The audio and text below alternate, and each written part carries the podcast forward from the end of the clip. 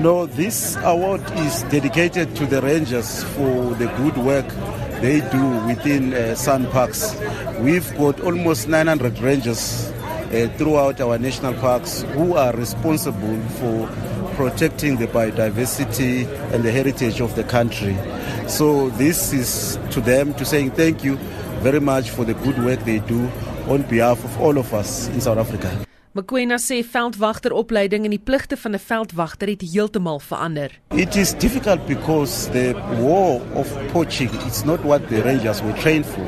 Rangers were trained to do conservation work which is monitoring of wildlife and looking after the game.